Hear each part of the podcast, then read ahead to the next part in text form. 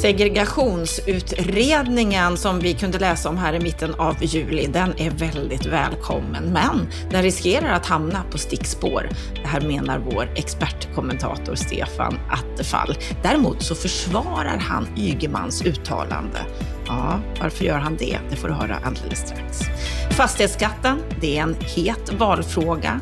Ingen risk för att skatten kommer att komma tillbaka på kort sikt, men blir det en skattereform, då kommer vi förmodligen att få se det.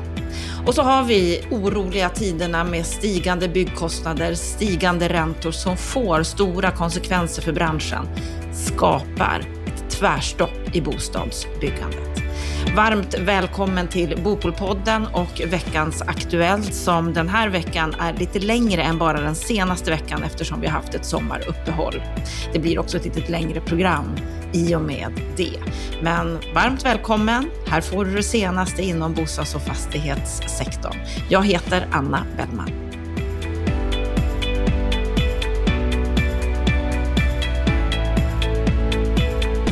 Ja, då när vi är tillbaka med veckans Aktuellt efter en sommarledighet så börjar vi med att berätta om en nyhet som kom i mitten på juli, nämligen att regeringen tillsätter en utredning för att motverka boendesegregation. Det här är ju en av regeringens främsta prioriteringar för att bryta segregationen. Det, det vill de verkligen jobba mycket med och därför har de tillsatt en särskild utredare för att utveckla verktyg, metoder inom samhällsplaneringen för att minska och motverka segregation.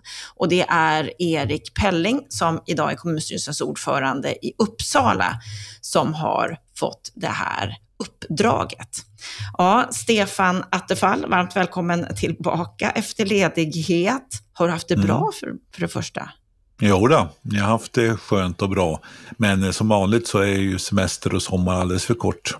Ja, alltid. Nu är det dags att prata bostadspolitik igen. Vad Precis. säger du om den här utredningen som regeringen har tillsatt för att motverka boendesegregationen?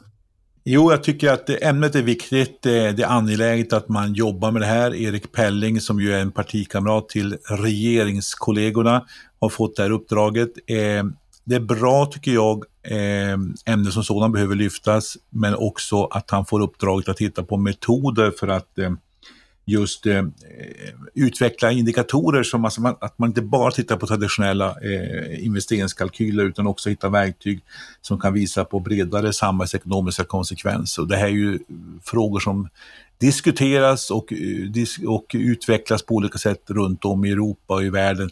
Så här finns det en del att ta in och en del att försöka att få in ett bredare angreppssätt och där tycker jag det är bra. Tycker bra att han eh, får ett uppdrag. Jag är Sannolikt så kommer han ju att ryka som utredare om det blir ett regeringsskifte efter valet, men ämnet bör ju kvarstå. Det som jag är kritisk till det är att när man sen läser utredningsdirektivet noggrannare så att de konkreta frågor han ska titta på utöver det här med de här samhällsekonomiska eh, värdeindikatorerna så ska han också titta på hur man ska hantera det här med kommunal reglering av upplåtelseformer Eh, och också hur man ska hantera renoveringar, alltså det vill säga att folk eh, påstås då måste flytta från sina hem på grund av renoveringar. Och då kommer in på lite så här socialdemokratiska käpphästar som är lite irrelevanta egentligen för det stora grepp som man måste ta kring, kring eh, segregationsfrågor och för att bryta utanförskap och för att förändra bostadsmiljöer. Eh, kommunal reglering och upplåtelseformer skulle bara krångla till det ytterligare och vara ett ingrepp också i äganderätten. Och eh, eh det här med renoveringsfrågorna, ja klart de är viktiga, men det är ju som alltid, alltså, vi måste ju renovera hus som eh, det tek tek tekniska skäl gör att man måste lyfta husen och då blir det stora renoveringar. Och då till bruksvärdet, det vill säga till vad är ett bruksvärde som motsvarar då den här nyare standarden. Eh, de som tomställer hus och folk har svårt att flytta tillbaka, ja det finns en sån problematik. Men det är inte det som är huvudproblemet i de segregerade områdena. Det huvudproblemet finns ju mer generellt i så fall. Och det handlar om hur man renoverar och hur man skaffar fram ersättningsbostäder och hur man stödjer folk med bostadsbidrag och liknande saker. Så det är en, men då lyfter man in det här och då då, då låser man fast honom ett antal såna här delfrågor som inte är huvudproblemet för segregationen. Där krävs det större grepp. Och just det här som du säger att om det blir en annan regering så kan han ryka. Det här är ju en utredning som ska vara klar 22 december 2023. Vad, vad kan det betyda för en sån här utredning om det blir en ny regering? Ja, jag skulle gissa att en sån här utredning kommer att eh, skrivas om direktiven och så byter man utredare om det blir ett regeringsskifte. Och blir det inte det så kommer man jobba i ett, ett, över ett år. Det som är farligt med den tidslängden och det här uppdraget, det är att det stannar av under tiden. Alltså man pekar på den här utredningen så gör man inte så mycket. Därför att frågorna är mer akuta än så. Eh, och det visar bland annat eh, Anders Ygemans eh, intervju i Dagens Nyheter också nyligen, att de här frågorna är på dagordningen och måste hanteras mycket mer akut än att vänta in den här utredningen. Så jag hoppas inte att det innebär passivitet under tiden i alla fall. Och just det här med vår integrationsminister Anders Ygeman, han gjorde ett uttalande för drygt två veckor sedan där han vill se tydliga, tydligare kriterier i klassningen av utsatta områden.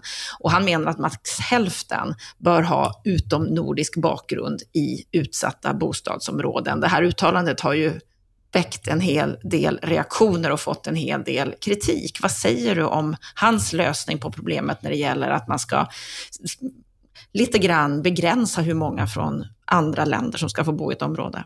Ja, för det första tycker jag att han har blivit orättvist anklagad för, för att vara rasistisk och allt sånt där.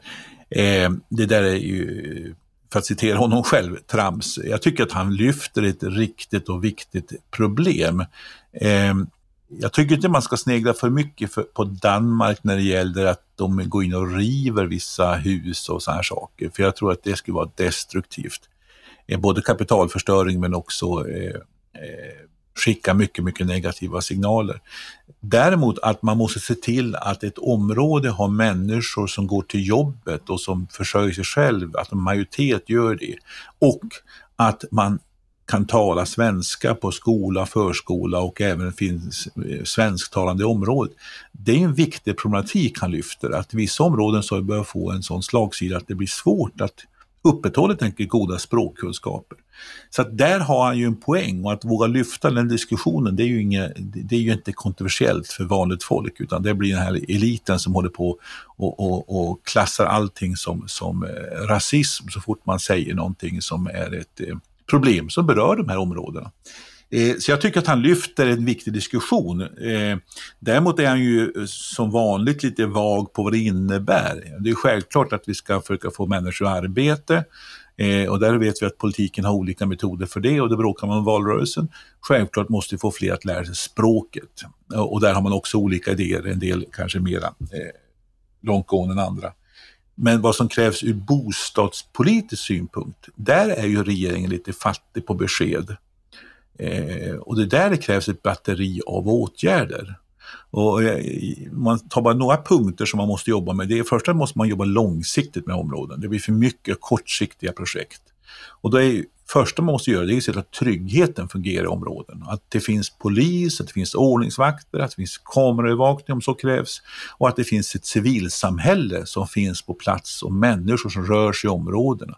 Att man ser till att det blir en bra förvaltning, att bostadsbolagen och fastighetsbolagen som finns i området sköter fastigheterna väl, inklusive renoveringar, men också de yttre miljöerna. Man investerar där så att det blir bra attraktiva miljöer. Inga sådana här eh, mörka områden och, och eh, passager där folk inte vågar passera mellan exempelvis kollektivtrafiken och bostäderna.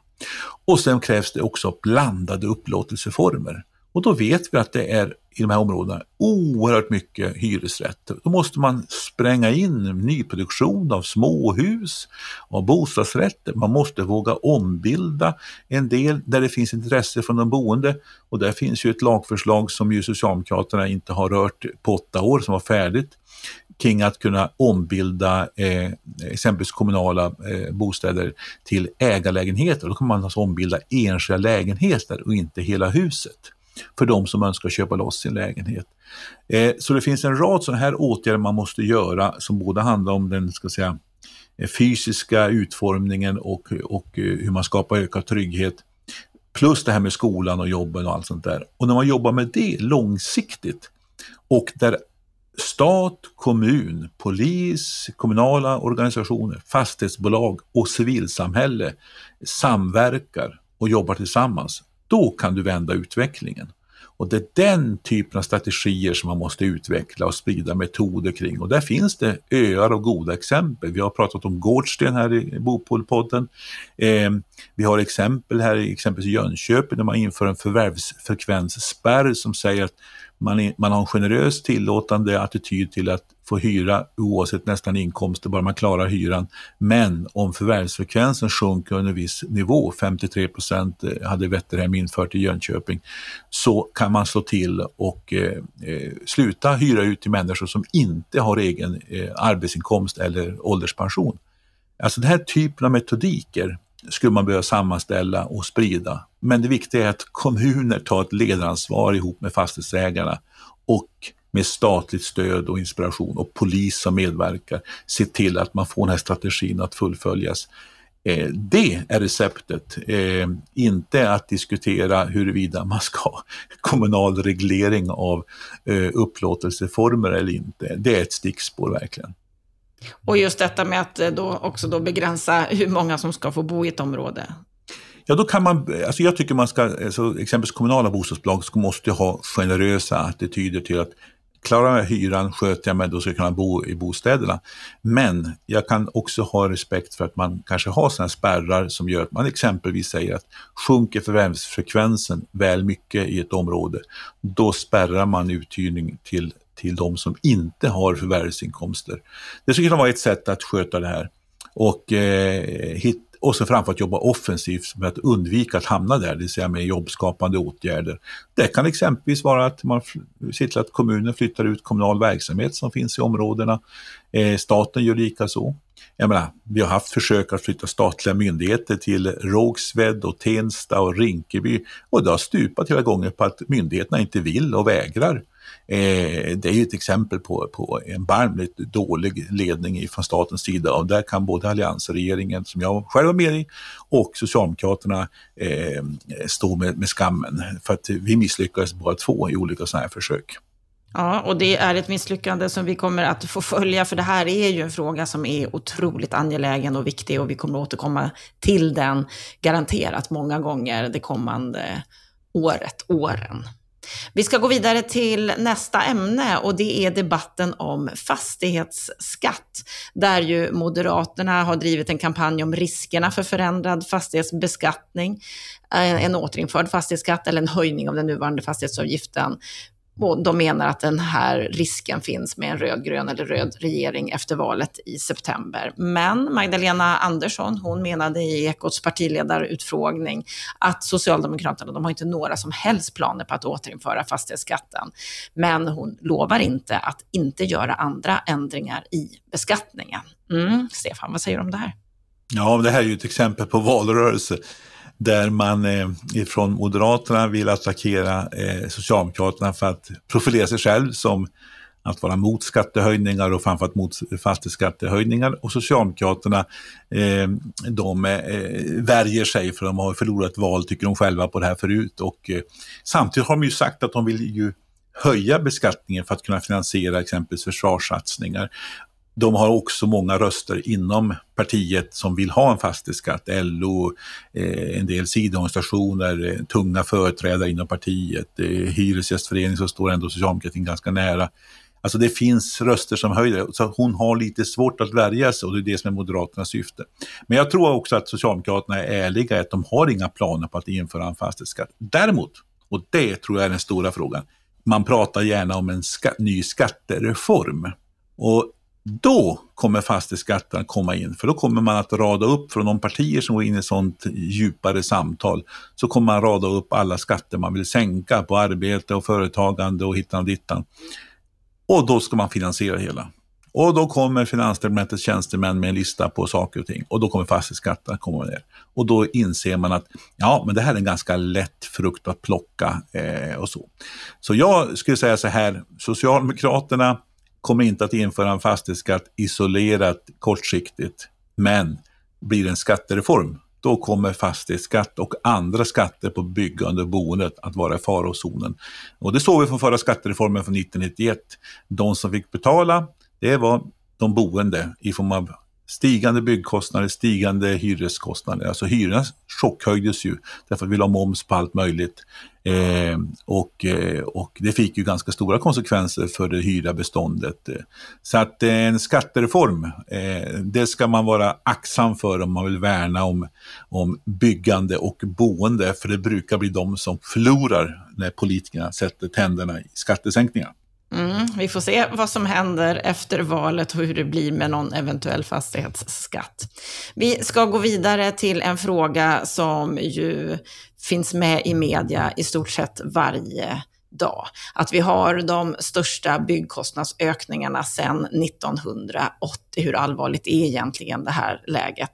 SCBs byggkostnadsindex ökade med 1,4 procent i juli och i årstakten så är den här ökningen den största sedan just 1980, nästan 15 procent. Ja, hur allvarligt är det här läget egentligen, Stefan? Ja, det här är det som oroar mest just nu i byggbranschen. Det är, man hör ju talas om exempel också på eh, offerter som lämnas och de säger att de gäller idag, men inte längre än så. Eller att man försöker skriva in sådana här klausuler som gör att man, man kan eh, eh få täckning för ökande materialkostnader och då blir också osäkerheten mycket större för den som ska bygga en bostad eller en fastighet av något slag. Eh, Årsbasis så är det sagt var 15 procent enligt SCB-statistiken, men det är intressant när man sen går in och tittar på vilka olika delar, så ser vi att armeringsstål pratar vi om över 50 procent, järn och stål eh, 35 procent, eh, övrigt byggmaterial 25 procent, golvmaterial 23 procent, trävaror 23 procent, elmaterial 18 procent, betongvaror 18 procent, snickerier etc. etc. Alltså det är på vissa varugrupper, vissa områden så är det mycket, mycket kraftiga höjningar av priserna.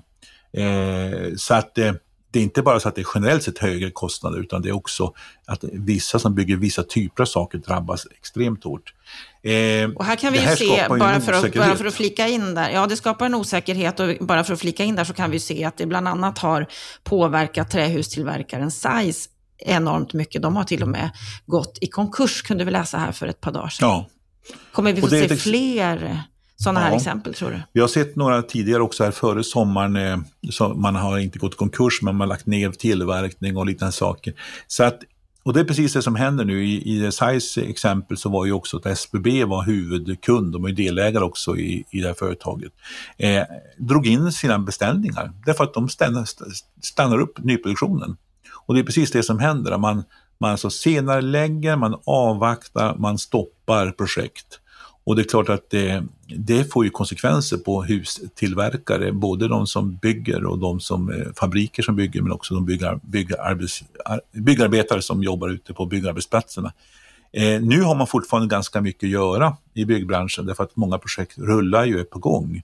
Men i och med att det blir stopp och arkitekter och den typen av konsulter, de börjar märka av det här tydligt nu och det kommer att få konsekvenser under hösten. Så att jag, jag tror att vi har ett eh, tvärstopp eh, nästan till på nya projekt eh, i, i höst. Och då ska du komma ihåg att vi har ju också räntorna som har stigit, som också försvårar finansieringen och eh, eh de som ska bygga. Eh, och där finns också en stor osäkerhet, vart tar det här vägen? Nu finns ju en del indikationer som tycker på att kanske de långa räntorna börjar eh, stoppa upp och gå ner lite grann jämfört med hur det varit här de sista månaderna. Eh, men det kommer att vara dyrare också att finansiera. Och det får ju också konsekvenser på prisbilden. Och, och människor får mindre pengar i plånboken på grund av den allmänna inflationen och då vågar man inte heller efterfråga nya bostäder, större bostäder. Så att eh, det, det kommer vara mycket kärv höst och eh, början åtminstone på 2023. Och byggstartsindikatorn som Byggfakta ger ut, de berättar samma sak där, att nyproduktionsprojekt, byggstarterna av det, föll i juli med 1,3 procent. Att de har minskat med 6,2 procent mellan juli 2021 och juli i år. Samtidigt så tror Byggfakta att eh, byggstarterna kommer att ligga på strax under 50 000 för året. Vad säger, vad säger du om det? Ja, det intressanta är att den här eh, byggindikatorn som eh, Torborg på Byggfakta eh, jobbar med, eh, de reviderar ju tillbaka siffrorna och visar på att de har övervärderat, för de har ju sagt ända fram till sommaren att någon, något tecken på avstannande byggtakt har de inte sett. Och nu tvingas de revidera sina gamla siffror för att de upptäcker att de inte har eh, varit helt korrekta. Eh, och en faktor tror jag som de kanske har svårt att fånga, det är ju att eh, även om du fått bygglov och du har fått startbesked, så kan du vänta upp till två år med att genomföra, påbörja projektet. Eller du kan påbörja projektet lite grann, men inte, inte mer än, än, än, eh, än att du bara marker, markerar att projektet är igång för att, för att, för att uh, ha tid på dig. Så att det finns mycket av den här osäkerheten gör att man flyttar fram projekten. Men jag tror fortfarande att byggfakta eh, och, och deras byggindikator är överdriven. Jag tror inte att det kommer att stanna på 50 000 påbörjade lägenheter, vilket ju är en nedrevidering jämfört med vad exempelvis Boverket har trott också. Eh, jag tror det kommer att gå ner mot snarare 40 000. Det kommer att bli bara i stort sett projekt som antingen är på gång eller som är så långt fram i skedet att man måste genomföra dem eller som har extremt bra lägen, extremt bra ekonomi som kommer att genomföras. Och få nya projekt kommer att dras igång och sen kommer det att vara stopp i övrigt. Och då får, det får stora konsekvenser på, under hösten och eh, nästa år. Ja, det är ett allvarligt läge, det får stora konsekvenser. Ja, det är speciella tider som vi lever i.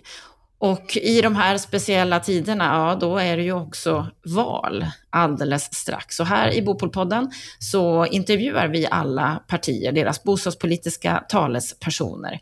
Och på måndag, då är det dags att träffa Johan Lövstrand från Socialdemokraterna och Ola Johansson från Centern. Och du, Stefan, du har hört det programmet. Helt kort, vad säger du om det? Eh, det är intressant att se eh, vad som förenar men också vad som skiljer och det ska jag försöka kommentera lite grann. Mm. Du ska få kommentera det programmet, det sänder vi på måndag. Men fram tills dess, då ska vi ha en riktigt skön helg. Det hoppas jag att du också har. Är det så att du inte kan bärga dig utan vill ha mer av bostadspolitik, då hoppas jag att du går in på bostadspolitik.se där det finns mycket matnyttigt att läsa. Ha en riktigt fin helg.